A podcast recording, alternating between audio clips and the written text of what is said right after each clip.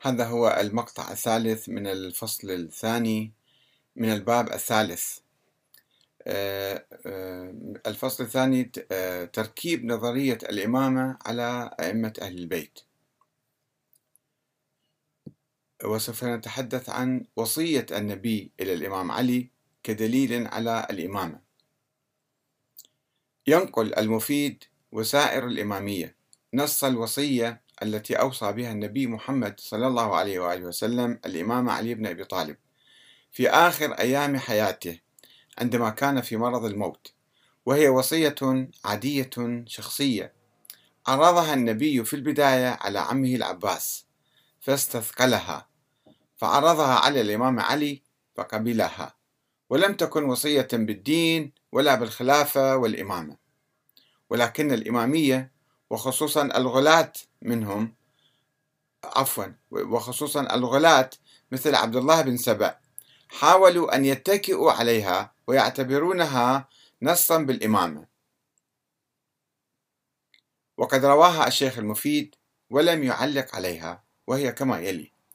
قال رسول الله يا عباس يا عم رسول الله تقبل وصيتي وتنجز عدتي وتقضي عني ديني فقال العباس يا رسول الله عمك شيخ كبير ذو عيال وأنت تباري الريح سخاء وكرما وعليك وعد لا ينهض به عمك.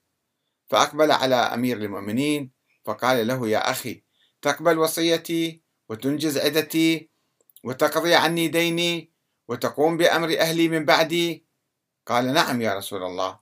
فقال له ادن مني. فدنا منه فضمه إليه ثم نزع خاتمه من يده فقال خذ هذا فضعه في يدك. ودعا بسيفه ودرعه وجميع لامته فدفع ذلك إليه. والتمس عصابة كان يشدها على بطنه إذا لبس سلاحه وخرج إلى الحرب. فجيء بها إليه فدفعها إلى أمير المؤمنين وقال له امضي على اسم الله إلى منزلك. وهذه الوصية كما ترون ليس فيها أي دليل ولا إشارة إلى موضوع الحكم والخلافة من بعد النبي. حديث العترة والثقلين. وهناك حديث آخر يتضمن الوصية بالعترة وأهل البيت. اتخذ منه بعض الإمامية دليلا على النص على أئمة أهل البيت بالإمامة. وهو حديث تطور عبر التاريخ. واستغله أكثر من طرف من أقرباء الرسول من العباسيين والطالبيين وغيرهم. وقد روى المفيد نسخته الأولى هكذا فقال أخبرني أبو حفص عمر بن محمد بن علي الصيرفي. قال حدثنا جعفر بن محمد الحسيني. قال حدثنا عيسى بن مهران. قال أخبرنا يونس بن محمد. قال حدثنا عبد الرحمن بن الغسيل. قال أخبرني عبد الرحمن بن خلاد الأنصاري عن عكرمة عن عبد الله بن عباس. قال إن علي بن أبي طالب والعباس بن عبد المطلب والفضل ابن العباس دخلوا على رسول الله صلى الله عليه وآله في مرضه الذي قبض فيه فخرج في ملحفة وعصابة حتى جلس على المنبر ثم قال ألا إني لاحق بربي وقد تركت فيكم ما إن تمسكتم به لن تضلوا. كتاب الله تعالى بين أظهركم. تقرؤونه صباحا ومساء. فلا تنافسوا ولا تحاسدوا ولا تباغضوا وكونوا إخوانا كما أمركم الله. وقد خلفت فيكم عترتي أهل بيتي وأنا أوصيكم بهم ثم أوصيكم بهذا الحي من الأنصار. فقد عرفتم بلاهم عند الله عز وجل وعند رسوله وعند المؤمنين. ألم يوسعوا في الديار ويشاطروا الثمار ويؤثروا وبهم الخصاصة فمن ولي منكم أمرا يضر فيه أحدا أو ينفعه فليقبل من محسن الأنصار وليتجاوز عن مسيئهم. وكان هذا آخر مجلس جلسه حتى لقي الله عز وجل كما يقول الشيخ المفيد. وكما يلاحظ فإن هذه الوصية لا تتضمن حديثا عن الإمامة والخلافة. وإنما تتوجه إلى عامة المسلمين بالاهتمام بالعترة وأهل بيت النبي والأنصار. ويبدو أن هذه الوصية تطورت إلى الرواية المشهورة إني تارك فيكم الثقلين كتاب الله وعترتي ولئن كانت هذه الرواية قد اشتهرت في القرن الثاني الهجري واعتمد عليها الهاشميون في بناء شرعيتهم السياسية الدينية. فإنها لم تصبح متواترة وظلت كما هي خبر آحاد. لا يحتوي على معنى سياسي وإنما يقتصر على الحب والمودة.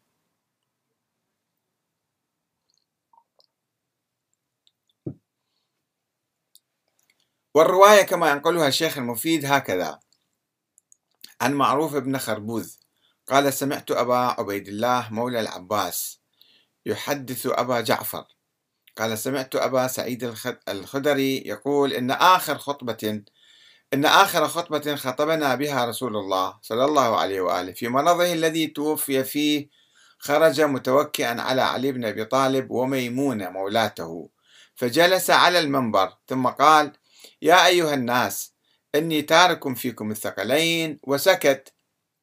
فقام رجل فقال ما هذان الثقلان؟ فغضب حتى احمر وجهه ثم سكن.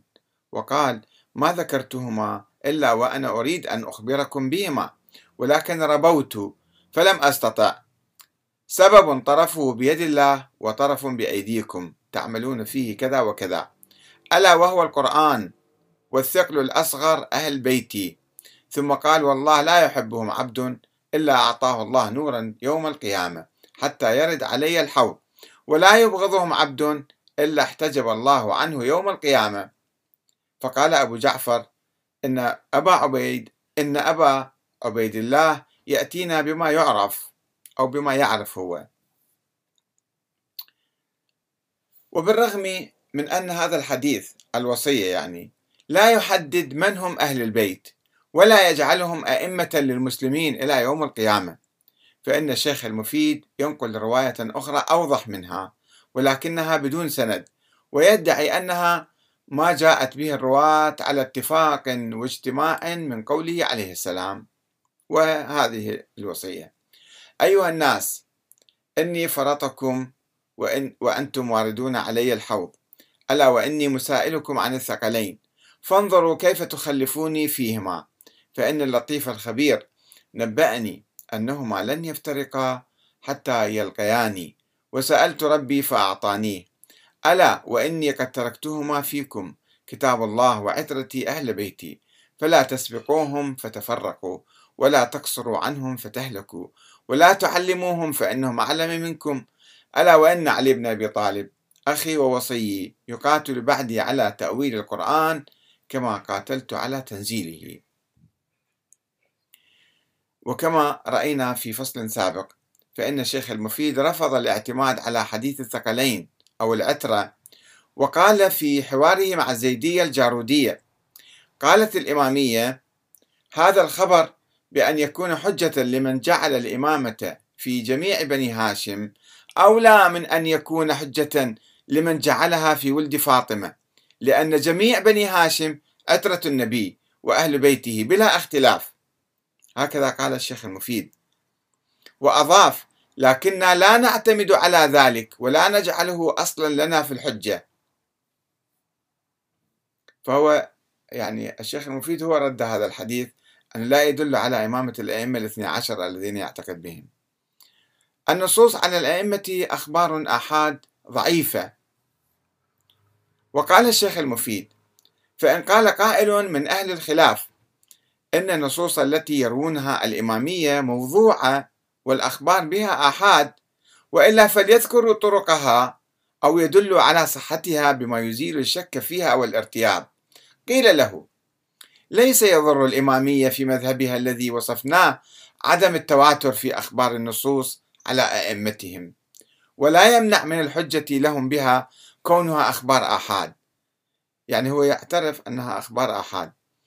لما اقترن ولكن يقول لما اقترن إليها من الدلائل العقلية فيما سميناه وشرحناه من وجوب الإمامة وصفات الأئمة بدلالة أنها لو كانت باطلة على ما تتوهم الخصوم لبطل بذلك دلائل العقول الموجبة لورود النصوص من أئمتنا عليهم السلام بالاتفاق والظاهر الذي لا يوجد اختلاف وهذا بين بحمد الله لمن كان له عقل يدرك الأشياء. الشيخ المفيد إذن آه، لا يقول بأن حديث الأترة حديث آه، ينص بصراحة على الإمامة ويقول عموما بأن الأحاديث التي يتمسك بها الإمامية هي أخبار آحاد يعني غير متواترة ولا يمكن البناء عليها. وكما تكلمنا سابقا آه، قال الشيخ المفيد بأنه أخبار الآحاد لا يمكن أن نعمل بها يعني لا تؤسس لعقيدة ولا لعمل. محاولة إضفاء طابع إلهي على الإمامة. ينقل المفيد أخبار آحاد مجهولة السند عن جعفر بن محمد عن أبيه عن جده. قال قال رسول الله صلى الله عليه وآله وسلم لما أسري بي إلى السماء وانتهيت إلى سدرة المنتهى نوديت يا محمد استوصي بعلي خيرا فإنه سيد المسلمين وإمام المتقين وقائد الغر المحجلين يوم القيامة. ونقل عن أبي حمزة الثمالي عن أبي جعفر عن أبيه عن جده قال إن الله جل جلاله بعث جبرائيل إلى محمد أن يشهد لعلي بالولاية في حياته ويسميه بإمرة المؤمنين قبل وفاته فدعا النبي تسعة رهط فقال لهم إنما دعوتكم لتكونوا شهداء الله في الأرض. أقمتم أم كتمتم؟ ثم قال يا أبا بكر قم فسلم على علي بأمرة المؤمنين. فقال أنا عن أمر الله ورسوله؟ قال نعم. فقام وسلم. ثم قال لعمر والمقداد وأبو ذر وعبد الله بن مسعود وبريدة وآخرون أن قوموا سلموا على الإمام علي بأمرة المؤمنين. طبعا أحاديث كلها بدون سند. ويكمل الصورة بحديث آخر عن جعفر بن محمد يؤول فيه الآية التي تتحدث عن الأمر الذي أسر به النبي إلى بعض أزواجه. وهي وإذ أسر النبي إلى بعض أزواجه حديثا فلما نبأت به وأظهره الله عليه عرف بعضه وأعرض عن بعض. فلما نبأها به قالت من أنبأك بهذا؟ قال نبأني العليم الخبير. وهو كما يقول المفسرون خلوه مع ماريا القبطية في بيت عائشة. واطلاع حفصة على ذلك وطلب النبي منها كتمان الأمر ولكنها أفشت السر إلى عائشة. هذا كما موجود في كتب التفاسير. فيدعي المفيد أن السر كان حول خلافة الإمام علي وليس خلو النبي مع ماريا. ويقول قد جاء في حديث الشيعة عن جعفر بن محمد أن السر الذي كان من رسول الله صلى الله عليه وآله إلى بعض أزواجه إخباره عائشة أن الله أوحى إليه أن يستخلف أمير المؤمنين وأنه قد ضاق ذرعا بذلك لعلمه بما في قلوب قريش له من البغضاء والحسد والشنآن وأنه خاف منهم فتنة عاجلة تضر بالدين وعاهدها أن تكتم ذلك ولا تبديه وتستره وتخفيه فنقضت عهد الله سبحانه في ذلك وأذاعت سره إلى حفصة وأمرتها أن تعلم أباها ليعلمه صاحبه يعني أبا بكر فيأخذ القوم لأنفسهم ويحتالوا في بعض ما يثبته رسول الله لأمير المؤمنين. ففعلت ذلك حفصة واتفق القوم على عقد بينهم. إن مات رسول الله لم يورثوا أحدا من أهل بيته ولا يؤتوهم مقامه واجتهدوا في تأخيرهم والتقدم عليهم. وهذه الأحاديث أخبار آحاد. بدون سند صحيح وتنسب إلى الإمامين الباقر والصادق وهما يرسلان الخبر إلى النبي دون سند وحتى لو صح الخبر عنهما فإنهما ليسا محايدين إذ أنهما متهمان بتأسيس نظرية الإمامة الإلهية والاستفادة منها. ولو أنني أنزههما عن رواية هكذا أخبار مشبوهة. ويواصل المفيد محاولته إضفاء طابع إلهي على الإمامة. الله يعني أمر بذلك. فيذهب للتوراة لكي يستخرج منها نصا يؤوله في أئمة أهل البيت ويدعي وجود البشارة بالنبي والأئمة في الكتب الأولى ويقول قد بشر الله عز وجل بالنبي صلى الله عليه وآله والأئمة عليهم السلام في الكتب الأولى فقال في بعض كتبه التي أنزلها على أنبيائه وأهل الكتب يقرؤونه واليهود والنصارى يعرفونه أنه ناجى إبراهيم الخليل في مناجاته. أني قد عظمتك وباركت عليك وعلى إسماعيل وجعلت منه اثني عشر عظيما وكثرتهم جدا جدا وجعلت منهم شعبا عظيما لأمة عظيمة وأشباه ذلك في كتب الله تعالى الأولى.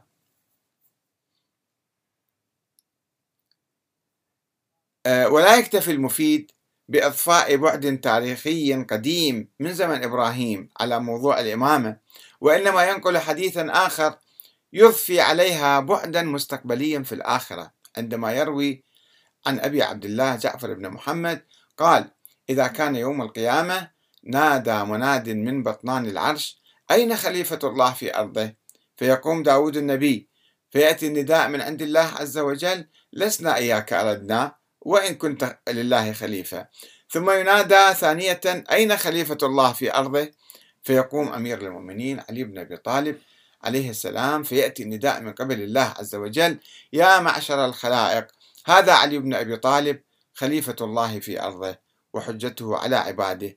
فمن تعلق بحبله في دار الدنيا فليتعلق بحبله في هذا اليوم ليستضيء بنوره وليتبعه إلى الدرجات العليا من الجنان. قال فيقوم أناس قد تعلقوا بحبله في الدنيا فيتبعونه إلى الجنة. ثم يأتي النداء من عند الله جل جلاله. ألا من ائتم بإمام في دار الدنيا فليتبعه إلى حيث شاء ويذهب به. فحينئذ يتبرأ الذين اتبعوا من الذين اتبعوا ورأوا العذاب وتقطعت بهم الأسباب. وقال الذين اتبعوا وقال الذين اتبعوا لو أن لنا كرة فنتبرأ منهم كما تبرأوا منا. كذلك يريهم الله أعمالهم حسرات عليهم وما هم بخارجين من النار. طبعا كلها أحاديث مختلقة ولا سند لها ولا آه، أساس. آه، إلى هنا انتهى الفصل الثاني من الباب الثالث وسوف نتحدث إن شاء الله في الفصل التالي الفصل الثالث عن تلفيق النصوص على أئمة أهل البيت. والسلام عليكم ورحمة الله وبركاته.